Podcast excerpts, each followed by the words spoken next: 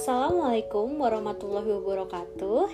Hari ini saya akan melaporkan tentang kegiatan saya hari ini dalam Learning Journal hari kedua pada tanggal 20 April 2021. Hari ini saya mempelajari tentang teknik analisis isu.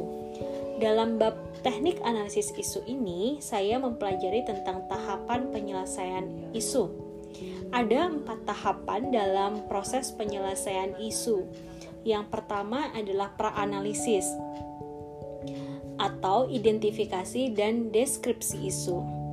Yang tahapan yang kedua yaitu memilah atau menapis isu menggunakan teknik APKL yaitu aktual, problematik, kehalayakan, dan kelayakan Lalu dengan teknik USG yaitu urgency, seriousness, and growth.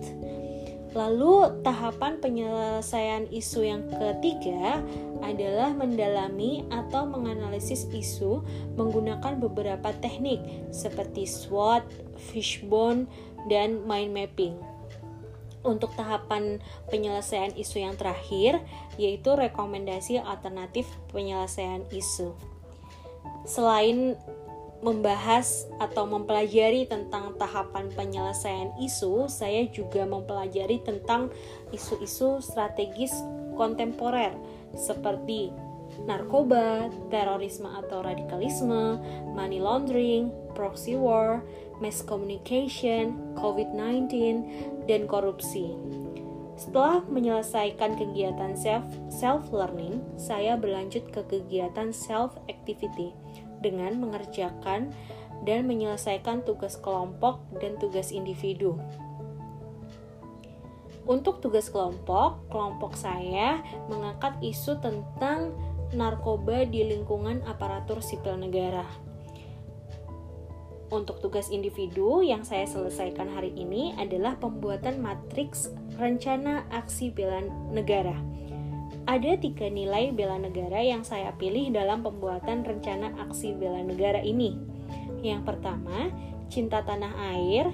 Yang kedua, rela berkorban untuk bangsa dan negara. Dan yang ketiga, kemampuan awal bela negara. Setelah itu, kegiatan dilanjutkan dengan membuat tugas individu tentang analisis isu aktual yang ada di unit kerja penempatan saya ada tiga isu yang saya angkat di sini. Yang pertama adalah data anak buah kapal atau ABK terutama yang berada dalam kapal niaga dan kapal perikanan berbendera asing yang tidak terinput dalam sistem Cisco P2MI. Isu yang kedua, tata kelola penempatan ABK di kapal niaga dan kapal perikanan berbendera asing sehingga banyak oknum yang memanfaatkan hal ini dan mengirimkan PMI ilegal ke luar negeri. Untuk isu yang ketiga, banyaknya permasalahan yang dialami ABK selama bekerja baik di kapal niaga maupun di kapal perikanan berbendera asing. Demikian uh, agenda distance learning hari kedua yang saya lakukan. Terima kasih. Wassalamualaikum warahmatullahi wabarakatuh.